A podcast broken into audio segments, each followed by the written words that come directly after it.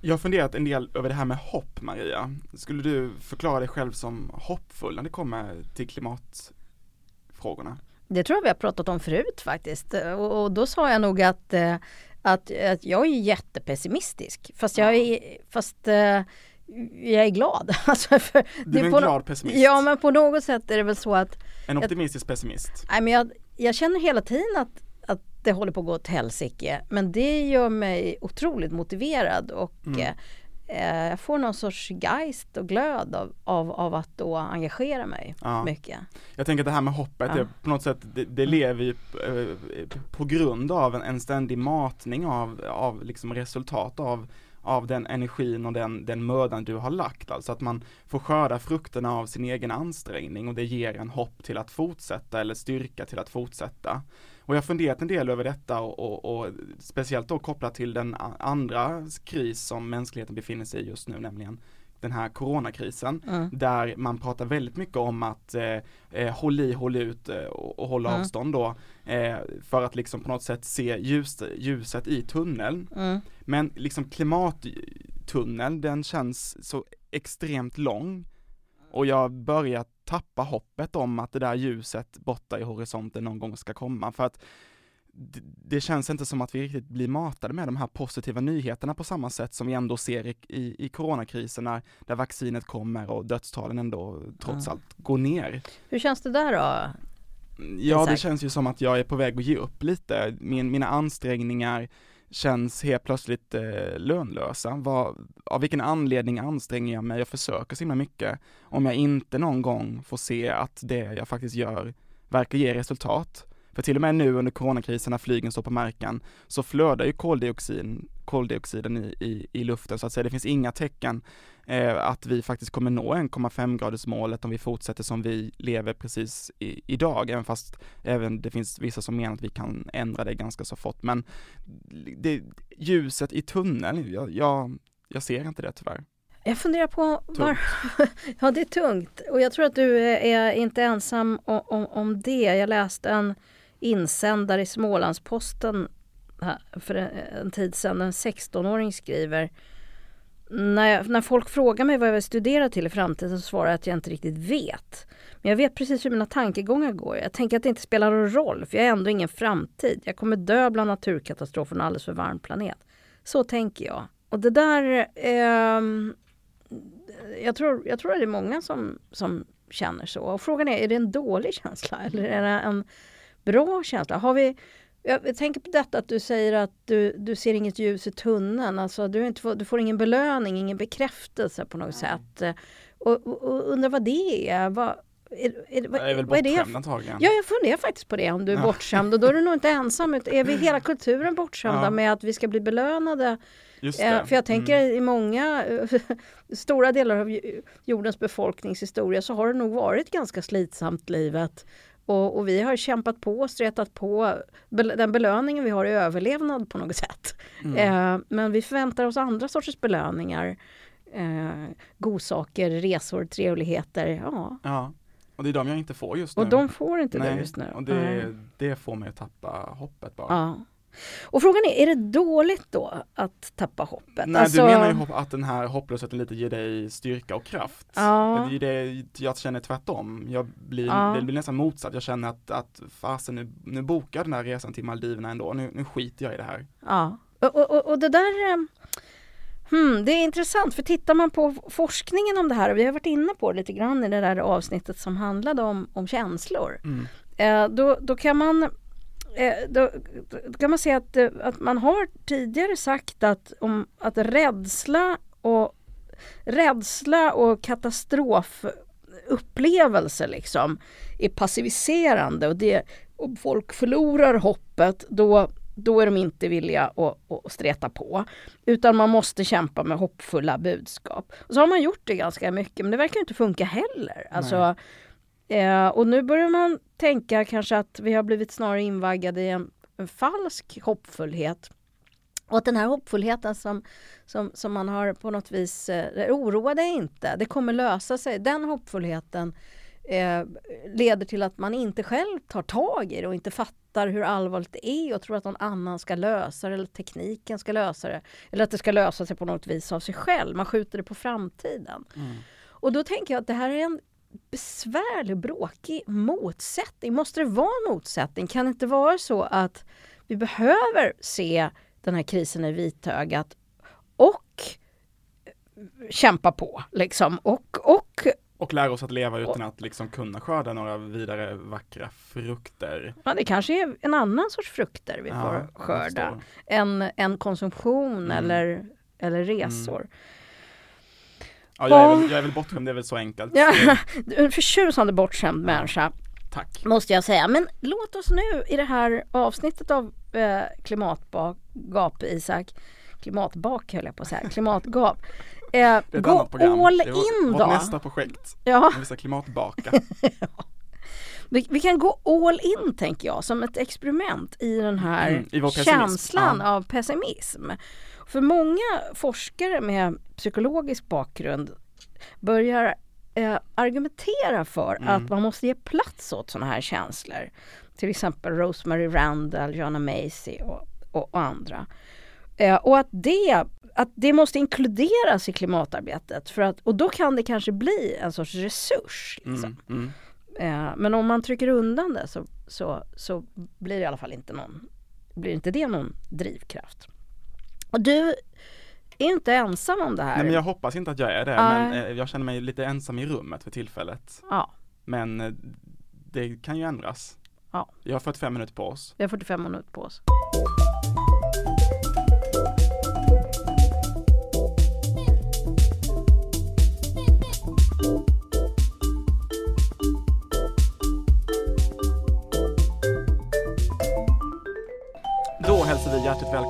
Nytt avsnitt av podden Klimatgap där vi utforskar gapet mellan kunskap och handling i klimatfrågorna och det gör jag, Isak Janhäll tillsammans med Maria Wollratz Söderberg. Och jag måste säga Maria att jag egentligen mår väldigt bra idag. Det känns som att det är liksom ljusnande tider på många olika sätt. Eh, mm. vaccinet eh, rullas ut, eh, det är vår ute, jag hörde fåglarna kvittra utanför mitt fönster i morse. Hur mår du själv? Ja jättebra och jag fick träffa dig på riktigt ja, men, i egen kropp. Precis, bara det. Bara det. Mm. Det är en, en, detalj som, som lyser upp din vardag kan jag tänka mig. Ja. så är det ju. Men sen började ändå den här mm. podden med att ändå vara eh, hyfsat eh, pessimistisk. Ja. Eh, eller li lite hopplös kan man väl eh, säga att, eh, att jag känner mig. Men jag skulle vilja hänga kvar lite vid här jämförelsen med corona, för det är ganska intressant att jämföra de här två olika kriserna. Det har vi gjort tidigare i podden. Ja. I coronakrisen har man ju till exempel se att mycket saker som vi innan har sagt varit helt omöjliga, till exempel att hålla flygplanen på marken, ja. det har ändå varit möjligt på något sätt. Sen kan det finnas många andra negativa konsekvenser av det såklart. Men det har ändå gått att göra. Eh, och jag läs, hörde nämligen en annan eh, intressant jämförelse om eh, corona och klimat och det var från ingen mindre än Johan Kyllenstierna som är Klimatpolitiska rådets ordförande. Han sa nämligen i, i klotet i P1 att eh, man kan på liknande sätt som i coronakrisen eh, se ett vaccin som som, eh, som ger ett ljus i tunneln kan man också känna igen samma eh, signaler i klimat frågorna. Att vi har vaccinet, ville han påstå, eh, och det är dags att börja vaccinera oss mot klimatförändringarna. Och det kan ju låta ganska så hoppfullt, även fast jag ska säga att det här resten, resterande delen av det här programmet av klotet eh, ägnades ändå åt att konstatera att 1,5 graders målet är långt ifrån eh, uppnått. Eh, och då kan man också lägga till att FNs general generalsekreterare sa för inte alls länge sedan att eh, vi, eftersom att vi är på väg att missa det här 1,5 graders målet så ville han utlysa en red alert, som han kallade det för eh, jordens skull. Så att det är ändå med de här faktumen som jag tar med mig in, som, eh, där jag känner att det finns en del eh, hopplöshet i klimatfrågan på ett annat sätt än vad vi faktiskt ser när man kollar till exempel på klimatkrisen där faktiskt vaccinet verkar hjälpa. Tycker du Maria att vi har ett vaccin mot eh, klimatproblemet? Ja, ja, egentligen så tror jag kanske att vi har det. Det är bara det att eh, vi, eh, eh att egentligen tror jag att alla lösningar finns. I alla fall alla tekniska lösningar mm. finns och den kunskap vi behöver finns. Men det vi slåss mot är våra drifter ja, och våra vanor ja. och våra kulturer. Och våra behov av belöningar. Ja, kanske det. Ja. Och jag tänker när vi börjar prata om det här, jag, jag, är väl kanske också sån att jag skjuter ifrån mig allvaret i den här frågan på sätt och vis. Eller, fast jag samtidigt jobbar med en sorts terapi för att hantera de här insikterna. Men eh, nu när vi börjar prata om att vi ska ha ett sånt här avsnitt, då började jag verkligen titta med öppna ögon på vad forskningen faktiskt säger om hur, hur jävligt det står till. Mm. Och det är inte kul. Så du eh, kommer inte göra mig mer positiv Nej, idag? först, kanske sen, men först tänker jag att okay. vi ska vi grotta ner, ner oss mm. lite i svärtan här. Ja, då gör vi det. Mina klimatforskarvänner, eh, de med naturvetenskaplig eh, slagsida, de börjar ge upp hoppet. Egentligen inte kanske om om mänskligt liv men om drägligt liv. Och få av dem skulle jag säga tror längre att vi kan uppnå en och en halv grad eller ens två graders uppvärmning. Mm. Och, eh, och det verkar också som om de här internationella avtalen som har varit det huvudsakliga sättet att liksom angripa det här problemet inte funkar särskilt bra. Vi har försökt styra med mål och, och eh, eh mina klimatforskarvänner säger att vi behöver minska med ungefär 45 procent av våra utsläpp från 2010 till 2030, den storleksordningen ungefär. Och det vi lyckades komma överens om eh, i Parisavtalet har för mig var 2,5 procent eller något sånt. Men vad det blev, det var inte ens en fingertutt. Nej. Det som vi är på väg mot är en halv procents minskning under ja. den här tiden. Och det, ju, det, det kan ju göra, få en att känna sig jättebeklämd. Ja, det är ett nederlag får man ju ändå Det är verkligen ett nederlag. Mm. Alltså det pekar på en, mot en temperaturhöjning på tre grader under din livstid eh, Isak. Ja, kanske min också beroende på hur lång, hur lång tid jag lever. Och det är ungefär sex grader vid polerna. Eftersom det blir en, en, en att, att det blir ungefär dubbel effekt där. Och då har vi en värld där kanske en och en halv miljard människor är på flykt. För stannar de så koagulerar de. Liksom som en lammstek i ugnen. Mm. Och de flyktingströmmar som vi har nu, det är ju piss i havet jämfört med vad det skulle vara då. Och vi talar om minskande skördar, svält, pandemier, översvämningar, bränder och våld. För det är vad som händer när resurserna mm. eh, tryter. Ungefär två meters havsnivåhöjning. Sverige ligger liksom bra till men säg farväl till ditt landställe vid kusten i mm. Skåne. Mm. Ja vi har ju varit inne på det att Simrishamn ryker. Ja. Eller Kristianstad. Och jag har också läst nu ja. De ligger redan, de, de ligger på minusnivå redan kan man säga, ja. Kristianstad. Mm. Riktigt illa till. Det ligger illa Det är dags att sälja, flytta. Ja. Jag läste också Jonathan Jeppssons bok Åtta steg mot avgrunden. Så han är ju eh, Eh, eh, eh, journalist på Aftonbladet men har verkligen satt sig in i klimat, eh, den forskningen som finns om liksom klimatkrisens effekter. Och det är verkligen djupt skrämmande. Eh, så, så, så att, det, att det ser väldigt illa ut, det, den saken är klar. Ja. Men frågan är vad det är som driver oss att liksom handla och försöka göra någonting åt saken. Mm. Jag, jag läste en annan bok också som heter En strimma av hopp som precis nyss kom av Staffan Lestadius. En liten, liten strimma. en liten strimma av hopp. Det är sju kapitel som är rätt nedslående och ett kapitel om, som är lite mer Aha. hoppfullt. Ja. Ska vi prata om hoppet nu eller ska vi prata om de sju kapitlen om nederlag? Jag tror att vi ska prata om båda delarna samtidigt. Okay. Eh, Staffan eh, Lestadius han börjar boken med att citera Václav Havel. Och han säger så här. Hopp är definitivt inte detsamma som optimism. Det är inte övertygelsen om att allt kommer att sluta bra, men förvissningen om att något är betydelsefullt oberoende av hur det slutar. Mm. Och jag tänker på mitt lilla barnbarn. Hon är, två, hon är snart två år. Och det, det går liksom inte att tänka så här, ja men jag tror att det kommer att gå helvete så jag lägger ner ens och försöka göra hennes värld bättre.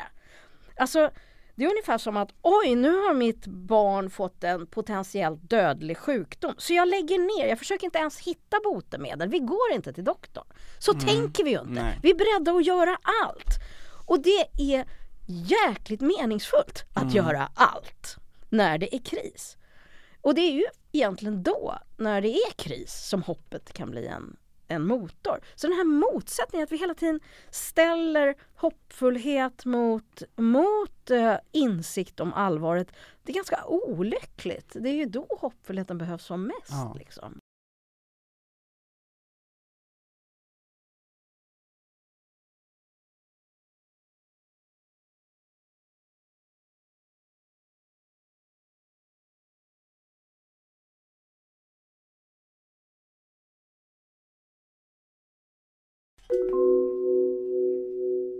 Men ändå kan jag inte låta bli att mm. erkänna att jag har en liten tanke som mm. gnager mm. längst bak i huvudet mm. som säger ungefär så här att låt säga att vi missar en och en halv graders målet och klimatförändringarna är ett totalt faktum. Mm. Vill jag då vara den som dör med gott samvete för att jag i alla fall gjorde mitt bästa?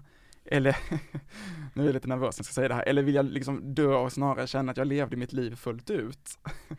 Ja men det, det var ju en intressant fråga. För att, nu har ju inte jag några barnbarn nej, heller, nej, utan nu, tänk, så nu tänker jag bara på mig själv. Jag säger inte att jag ja. lever efter den här filosofin, men jag säger att när man blir väldigt osäker på om det här ändå kommer gå, ja. så undrar man ju till vilket värde mina ex, liksom, extrema ja. ansträngningar egentligen har. Jag tror att många kan känna den eh, ja. hopplösheten ibland, inte alltid men den kan komma krypande. Men, men det här bygger också på ett sorts antingen eller tänkande. Så här, antingen ja, lyckas vi hindra, eh, stoppa klimatförändringarna eller så gör vi det inte och då går det åt helvete. Mm. Men däremellan så är det ju en, det, det, är klart att det är fullt möjligt att vi bara brakar på så till den grad att hela mänskligheten utplånas. Ja. Men eh, det kanske är väldigt långt i framtiden. Ja, du menar att vi kan stoppa klimatförändringar för att komma i alla fall till det absolut värsta scenariot? Ja, vi kan kanske, det, det finns grader i helvetet höll jag på att säga. ja. Man kan tänka sig att det blir lite värre eller att det blir mycket värre.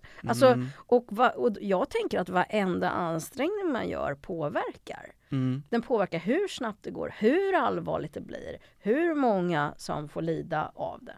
Men sen tänker jag en annan sak du säger om det här valet. I, i, när, när vi gjorde den här studien med människor som har slutat flyga, de har ju ändå gjort en ganska kraftig livsstilsförändring, uppfattar de det som själva i alla fall, för klimatets skull. Något som många uppfattar som en uppoffring. Mm. Då verkar de inte så himla bero... Det verkar inte vara jätteviktigt om det här att de ser att dem, koldioxiden går ner? Liksom. Nej, eller om, om det här får dem att tro att det här kommer lösa problemet. Det nej. tror jag är väldigt få som tror. Aha. Men man verkar, man verkar göra det av andra skäl. Nämligen att det, att det är bara sånt man gör. Mm. Precis som att man inte stjäl av andra. Alltså, eller det är massa saker som man inte gör. Eh, utan eh, är det så att det står så här allvarligt till, ja då är det ens ansvar och många lyfter fram sitt eget samvete, att de vill kunna se just sina barn i ögonen, men också att de vill kunna leva med sig själva. Mm. Så vad är det att leva fullt ut? Är det Maldiverna, mm. rocka loss och ja, skita i eh, omvärlden eller är det att, att liksom se sig mm. själv, kunna se sig själv i ögonen och trivas med den man är? Ja, jag vet inte. Det är nog olika för olika människor. Jag tror ändå på något mm. sätt att man är naiv om man inte mm. tänker eller lever med mm. tanken av att människor ändå ser olika typer av konsumtionsbeteende som, som ett, ett, drägligt liv. Det är ändå ja. den världen på något sätt vi är uppväxta så kan man mm. kritisera det i och för sig. Men jag tror att det är farligt om man liksom tänker att att man ska helt bortse från det som vi faktiskt idag tycker är ganska så härligt. Mm. Men, men, Greta säger ju ganska så ofta att vi ska behandla klimatkrisen som den kris den är och det mm. håller jag ju verkligen med om, men som inte bara baserat på att det, att det är det som behövs för att kunna liksom rädda klimatet och mm. eh, inte minst eh, oss själva faktiskt, utan att krisinsatser krävs ju för att eh, få folk att liksom orka, alltså mm. Eh, i alla andra typer av eh, omställningar eller eh, förändringar eller kriser så har man ju en krishantering, alltså man hanterar människors mm. reaktion mm. på det som vi utsätts för i de här mm. kriserna. Eh, det kan ju fungera på olika sätt beroende på vad det är vi pratar om, men det mm. finns inte riktigt en krishantering i, i, i, i klimatfrågan skulle jag säga, varken när det kommer till att, eh, att hantera eh, klimatkrisen som den kris den är, men inte heller för att hantera vårt egna beteende kopplat till att vi själva befinner oss i en kris och inte minst då i en existentiell kris baserat på vad till exempel som du är inne på är ett drägligt liv och vad inte ett drägligt ja. liv. Och jag tror att du har väldigt rätt i det och det är också Tack. en sån, sån sak som jag tror att man börjar upptäcka nu att eh, att om vi ska ta det här på allvar och verkligen göra det vi måste göra som är att ändra en massa beteenden och som också kommer kräva uppoffring och smärta. Då måste vi på något vis ha, kunna ta hand om de här eh, känslorna. Mm. Och, och vi har inte tänkt på att det här är liksom traumatiskt. Nej, eh, och, och, det är någonting mm. som vi behöver få hjälp med. Men man kan se att de som ställer om, de har just ofta haft ett sammanhang där de har kunnat snacka med varandra om de här sakerna. Eh, eh de har fått inspiration av andra som har vågat visa sin oro eller sårbarhet. Eller, då kan jag bli en inspiration idag då? Ja, det kan du. Kanske om, jag kan bli din också. Om det är någon som lyssnar och känner sig lite hopplös ja, också. Ja, mm. precis. Ja. Ja, så att, så att kanske är det så att vi, vi verkligen behöver fundera över vad det är för sammanhang och format och som, som kan möjliggöra för oss att faktiskt hantera de här känslorna mm, så vi mm, liksom mm. kommer vidare och inte fastnar i dem. För det är det som verkar hända när folk eh, får ett sånt här socialt stöd som till exempel i de här Carbon Conversation Groups i, i mm. Storbritannien. Att eh, när man har hanterat sin rädsla och fått dela den och fått sörja också sånt som går förlorat. Och kanske faktiskt också gett upp vissa hopp. Ja. Eh, så verkar det leda till ny energi och ny meningsfullhet. Mm. Man upptäcker saker som man kan göra någonting åt och som, är, som, som ger en är, eh, ny glöd. Liksom. Man kanske inte kan se pyramiderna i Giza men man kan däremot upptäcka Sveriges lägsta punkt i Kristianstad.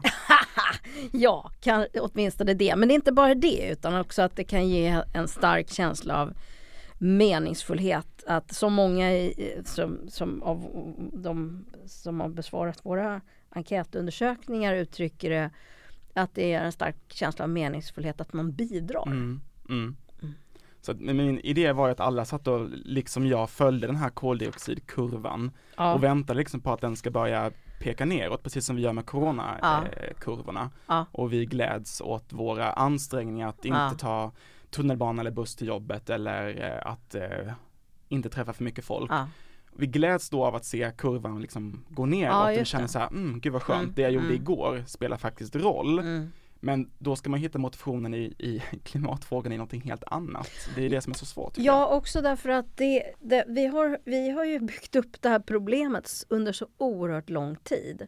Och jag, det är många som har varit besvikna över att eh, inte den här eh, de här ansträngningarna som vi har gjort nu under coronapandemin där vi faktiskt har låtit bli att flyga och rört oss mindre och så vidare. Mm. Eh, att det inte har gett större effekter. Eh, man tänker så här att ja, men om, det, om vi har 7% mindre utsläpp så borde det generera ett 7% mindre problem. Fast riktigt så är det inte för att Nej. det är fortfarande så att vi, det var någon som liknade det med ett badkar.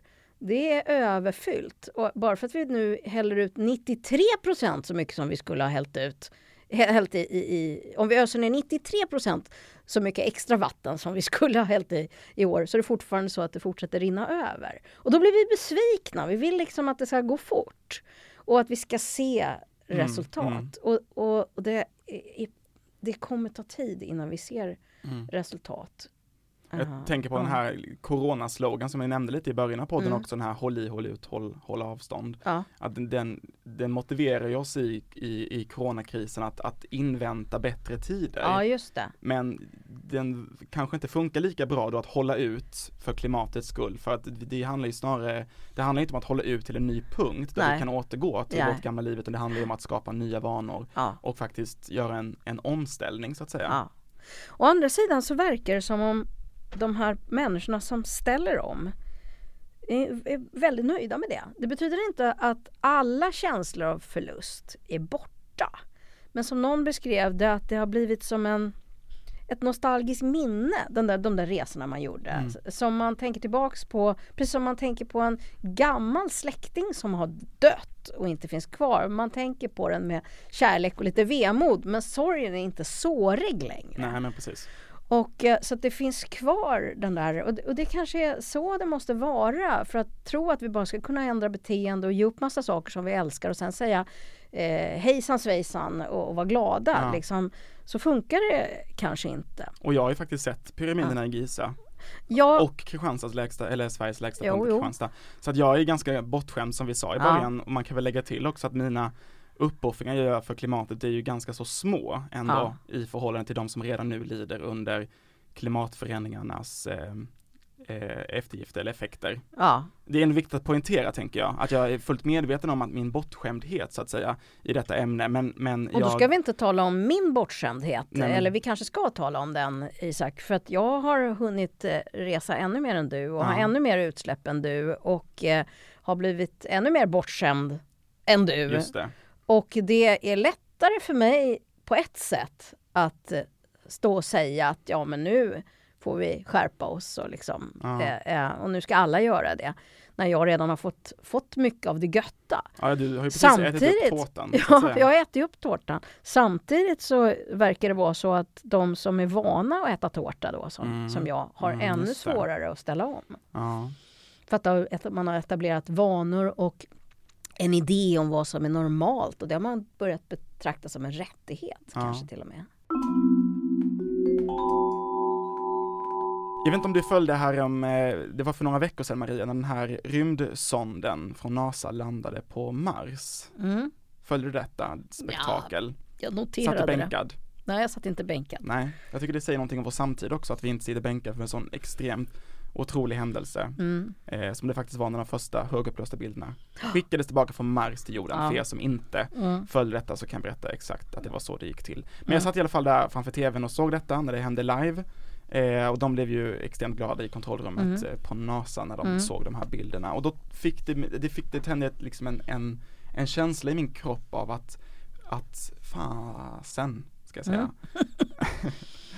Allt är ändå möjligt på något Mm. sätt. Här, här står nu en, en rymdsond som i form av en liten bil med 23 kameror som ska åka runt i Mm. en speciell krater på Mm. Mars för att i, kolla om det möjligtvis har funnits eh, eller finns. Mm. Jag vet inte om det är det en icke-fråga om det finns liv på Mars.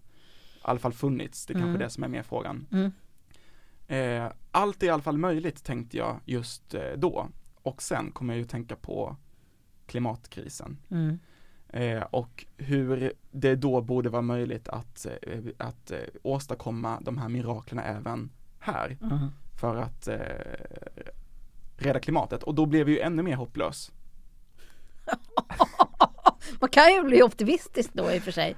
Jo det kan man ju verkligen Ja. bli. Ehm, men ja, Men du, det är ju intressant. Vad, men, men samtidigt är det på ett sätt är det en analogi som är väldigt tilltalande för den visar ju att det omöjliga är möjligt. Liksom. mm, ja men det var precis så. Och, men å andra sidan så är det en besvärlig analogi därför att den, den talar om för oss att ja, men vi skulle kunna överlämna till några få riktigt smarta personer med en jäkla massa pengar att lösa det hela med teknologi. Och så verkar det ju inte funka när det gäller klimatkrisen. Utan snarare att det är vi som måste hugga i och det är slitsamt och tråkigt och tar tid. Mm, Eh, och Staffan Lestadius, vars bok jag nämnde förut, han, han, han menar att det vi behöver göra är att se till att göra, skapa en ordnad omställning. Eh, och, och då behöver vi ungefär minska med 7% våra utsläpp varje år. Det gäller varje individ, varje familj, varje företag, varje eh, organisation, varje fritidsgård, varje varje, liten- universitet, mm, varje land och varje, varje, varje år. Ja. ja, 7 procent ungefär. För, då- för, för då borde vi klara de här målen. Och, och, och just detta med att en ordnad omställning. Grejen är ju den att vi kommer inte komma undan att det blir en omställning. nej, Men frågan är, blir det en kaotisk omställning som jorden tvingar oss till, därför, som klimatet tvingar oss till därför att det bara helt enkelt slutar funka? eller, eller är det så att vi kan ta så att säga makten över den här omställningen, få inflytande över den och liksom ordna upp det här på ett sätt som skapar minsta möjliga lidande. Så vi har liksom inte valet att det inte blir en omställning. Frågan är hur ska den här mm, omställningen mm. bli? Och jag tycker det sättet att tänka är ganska hoppfullt. Alltså på, på, på det viset att okej, okay, det är inte lattjo, det är inte någon härlig lyxig belöning i det. Men det är tanken ändå att vi har, vi skulle kunna ha ett inflytande. Mm. Eh, och då skulle varje person kunna ha ett inflytande och varje grupp och varje nivå ha ett inflytande. Vi är inte maktlösa. Det är en, för mig, ganska hoppfull ja. tanke. Men jag kanske nöjer mig med det lilla här. Ja, vi har ju ändå avfärdat, mm. liksom avfärdat en del mm. olika ämnen i podden. Mm. Kan synden vara räddningen på klimatet? Kan Eh, den tekniska mm. utvecklingen rädda oss? Eh, har vi redan lösningen på problemet i form mm. av demokratin och så vidare och så vidare. Mm. Men på något sätt så tycker jag att allting vi någonsin har pratat om det, det landar tillbaka väldigt mycket på den enskilda personen och, att det, och vi har liksom fastnat väldigt mycket i den enskilda personens makt eh, och liksom chansen att att påverka. Då, jag, jag motsätter mig egentligen inte våra tidigare avsnitt på något sätt eller de som vi haft med oss och pratat mm. om detta men men, men ännu en gång så vill jag liksom eh, fråga bara, är jag verkligen inte bara en liten en kugge så att säga i, i det här systemet? Alltså hur mycket makt har vi egentligen? Är jag skruven som får IKEA-möblen att eh, mm. ramla ihop? Är, är, jag, är jag en fjärils vingslag? Ja, och, och, och det är väl också det just som, eh, ja, som, som också Staffan Lestadius som jag nämnde också kommer fram till att det som det har inte funkat med top-down approachen. Nej. Eh, eh, nu måste vi prova bottom-up approachen och, och, det finns, finns faktiskt anledning att tro att den eh, spelar roll. För det är så som eh, eh, det är genom individer, grupper, samtal, rörelser, krav som liksom den systemnivån får mandat och manas att förändra. Så, så, så vad individ, jag skulle säga det att vad individer gör, vad enskilda personer gör är väldigt viktigt. Och samtidigt mm. kan det ju verka som om uh, som om, alltså det kan ju också användas som ett argument uh, att det är individerna som ska lösa problemet för att inte då näringsliv, politik, myndigheter ska behöva ta tag i det. Och då blir det ju sorts... Eh, så, så, det är ju inte så att inte den här systemnivån måste jobba med de här frågorna. Eh, eh, utan, utan det måste den. Men, mm. men eh, eh det, vi ska inte undervärdera kraften i, i rörelser och i att, att, individ, att enskilda personer och framförallt grupper ändrar beteenden, börjar snacka om saker eh, eh, och, och, och driver de här frågorna. Nej men absolut, ja. men jag tänker ändå att, att om vi ska följa Johan Kuylenstiernas eh, li, eh, jämförelse där med att, att klimatvaccinet på många sätt redan finns och det ja. handlar egentligen bara om att liksom ta tag i själva vaccineringen. Ja. Då, kan man ju använda till exempel den här analogin om, om eh, eh den här sondlandningen på Mars som ett mm. exempel på att allting skulle kunna vara möjligt. Men man kan också använda en, en annan liknelse för att liksom bara förstå eh, att på många sätt så handlar klimatkrisen mm. kanske inte riktigt om eh, att vi måste hitta lösningen utan att vi måste ta tag i problemet snarare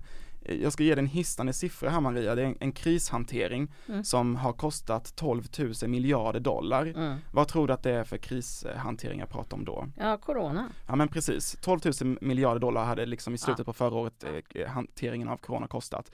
Eh, nu är det jättemycket forskning som visar att hälften av pengarna skulle eventuellt räcka för att nå ett och ett halvt gradersmålet, alltså i linje med Parisavtalet.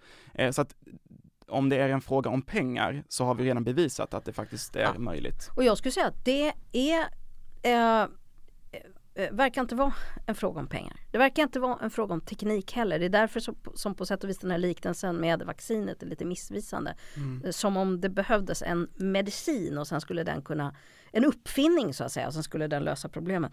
Jag tror att beteendet är, nej jag tror att problemet är beteenden, normer, idéer och delvis ett, det system som vi har byggt upp som, i, har, som har en inbyggd tröghet. Liksom, Mm. Som också är beteendemässig. Liksom. Mm.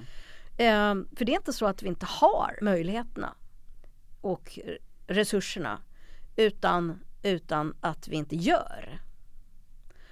Så att, eh, och det är, ju, det är på sätt och vis ganska hoppfullt kan jag tycka. Mm. Alltså det, deprimerande eftersom det inte verkar hända men det är hoppfullt därför att, därför att det är möjligt och det är någonting som vi egentligen alla har. Ja. Vi Det, har alla tillgång till att agera annorlunda. det är dags att ladda ampullerna. ja, om vi nu ska fortsätta likna det vid ett vaccin. Vi behöver se de här, vi behöver peta de här såren. Och vi behöver prata om att omställningen också kräver uppoffringar och insatser av oss, och både på ett, Ja. på, ett, på ett individuellt och kollektivt plan. Och att det, att det kommer smärta och att det är jobbigt och att det är oroligt. Men vi får stötta varandra genom det på något sätt. Håll i, håll ut. Håll i, håll ut. Men, men det är ett annat håll i, håll ut. Ja. Eh, än, än eh, det där håll i, håll utet med, med, som gäller coronapandemin. Ja, men just det. Om man ska fortsätta använda den här liknelsen med vaccin så kan man säga att jag har i alla fall försökt att vaccinera mig själv eh, mot min hopplöshet kan man säga Maria, genom att ändå så eftersöka eh, liksom ljusglimtar i, i allt det här klimatmörkret. Ja, det var ju intressant för det var ju du som fick mig att grotta ner mig riktigt svartsynta. Ja, men nu, ska jag, nu har jag Mm. tagit mig upp till kanten igen och nu Mm. ska jag försöka hjälpa dig över, Ja, fint. över ja men precis. Mm. Eh, så här eh, har jag sammansatt lite positiva eh, klimatnyheter. Mm. Ja, är du Mm. beredd? Ja. Eh, då kan jag säga nummer ett. Mm. Eh, förra året så slog svenskarna rekord i, i återvinning av förpackningar av tidningar. Bara en sån sak. Det är bra. Det är jättebra jobbat. Två, då tänker jag på det här kolfria stålet som eh, flera olika svenska Mm. eh, bolag just nu är på, eh, på väg att, att framställa och forska om där man ska Mm. ersätta kol med vätgas och få ett Mm. eh, fossilfritt stål Mm. istället. Om det går igenom så skulle det kunna minska de globala utsläppen med 35 miljoner ton koldioxid. Mm. Det är två tredjedelar, två tredjedelar av Sveriges hela eh, koldioxidutsläppningar Mm. eh, inom landet. Nummer tre, luften är renare än någonsin just nu. Eh, eh, om man har jämfört massa länder så är luften renare i 84 procent Mm. eh, av de länderna man har undersökt och det beror ju såklart på eh, corona. Men jag tänker att det kan ändå ge oss en känsla av, gud vad härligt, när luften Mm. var ren.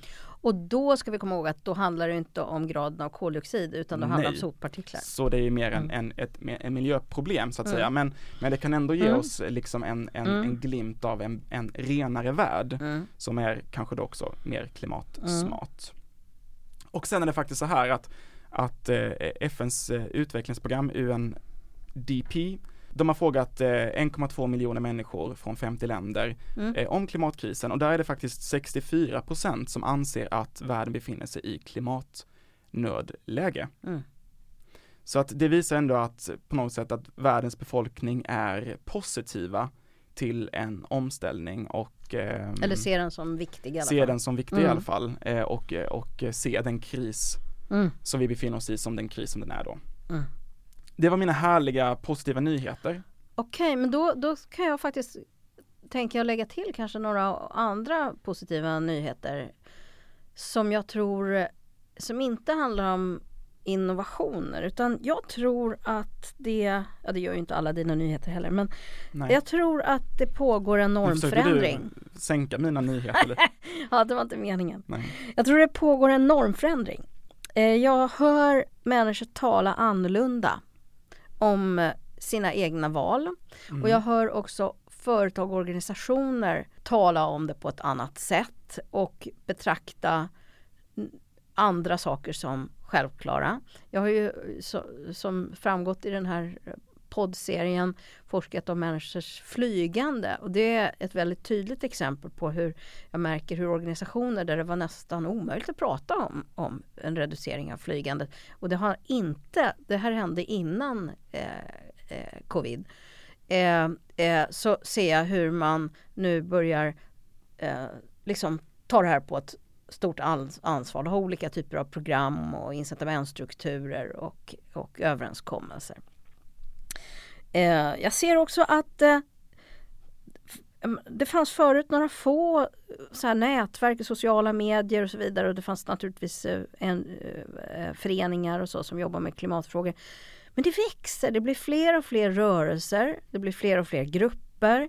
Eh, jag ser också hur organisationer som inte tidigare egentligen har jobbat med sådana här frågor plötsligt börjar ta dem på allvar. Rotary, Försvarsmakten. Mm. Eh, det, det tycker jag är Bill väldigt Gates. spännande. Bill Gates. Han är senast i raden ja. som anslutit sig. Ja, och det tycker jag är väldigt spännande. Så det är som att krismedvetenheten och viljan och engagemanget växer. Mm. Frågan är om det är tillräckligt. Ja, det är verkligen frågan. Mm. Som vi kanske inte kan besvara idag. Eller? Vet du vad? Jag såg, kollade lite på en inspelad show som heter Domedagen Ja. En trallvänlig talkshow om jordens undergång. Och där sjöng Stefan Sundström om att någon måste göra någonting. Och i refrängen så sjöng han så här. Och jag kom på att det var jag som var den där någon. Mm. Och den insikten tror jag håller på att sprida sig. Just det. Och det är väldigt hoppfullt. Jag satt där så ensam och gnällde. Jag ville att något skulle göras av någon. Jag lät tiden gå tills jag till slut kom på att det var jag som var den där någon. Ja, jag lät tiden gå tills jag till slut kom på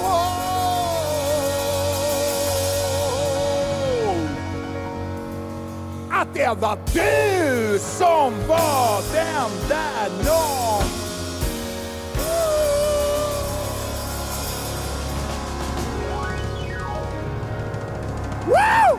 Mm.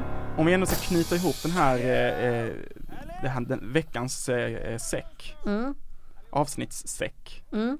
Så, så skulle jag vilja hänga kvar lite vid den här eh, numera historiska eller klassiska eh, coronaslogan Håll i, håll ut, håll avstånd. Mm om man ändå ska på något sätt använda sig av den, den har ändå funkat hyfsat bra får man säga i coronasammanhang. Om man ändå ska använda den, återanvända den på något sätt så har jag liksom skapat lite nya versioner på den. Ja, det är låt höra. Ja, vill du höra de liksom klimatmässiga versionerna på håll i, håll ut, håll avstånd. Ja, det vill jag. Mm. Den första är håll i, håll ut, håll dig till vego. Mm. Den tyckte du var sådär bra.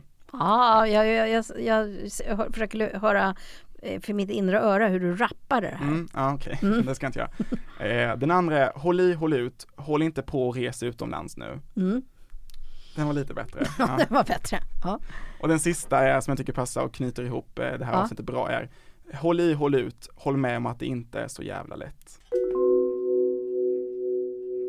Tekniker var Alexander Hannevall och Klimatgap produceras av Södertörns högskola.